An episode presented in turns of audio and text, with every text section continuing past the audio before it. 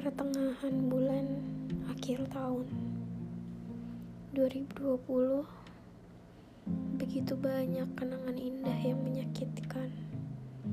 Berdamai dengan keadaan Berdamai dengan diri sendiri Berdamai dengan segalanya Seakan badai yang tidak kunjung selesai.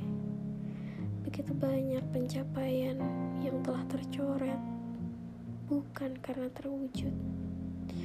Bertahan saja begitu sulit, apalagi harus berjuang.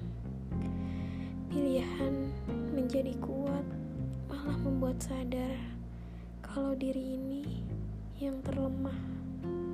Segala harap yang telah patah, semoga bisa menjadi harapan baru, harapan terakhir